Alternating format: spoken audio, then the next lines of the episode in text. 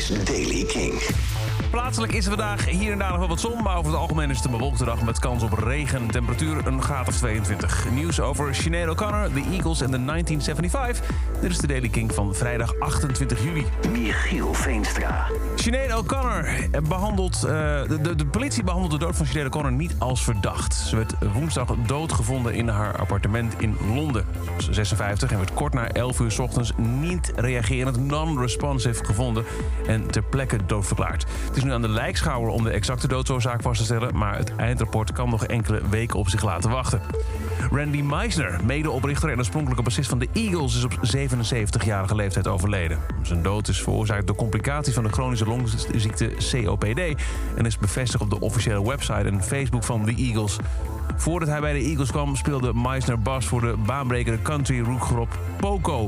Hij was een cruciaal lid van de Eagles en zijn eh, geweldige vocale bereik is onder andere te horen op de ballad Take It To The Limit.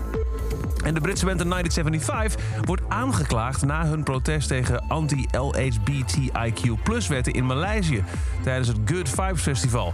Misschien weet je nog wel, uh, Matty Healy ging daar eerst helemaal eh, los over eh, de wetten tegen homoseksuele relaties in Maleisië. En vervolgens gingen hij en bassist Ross McDonald zoenen op het podium. Daarna werd hun optreden meteen stilgelegd, maar de rest van het festival ook door de Maleisische overheid verboden. En daar zit nu de crux. Verschillende muzikanten en ondernemers, dus bijvoorbeeld ja, mensen met, met, met, met etensstalletjes en zo die daar aanwezig waren, hebben nu een rechtszaak aangespannen tegen de 1975 omdat ze inkomsten hebben gemist.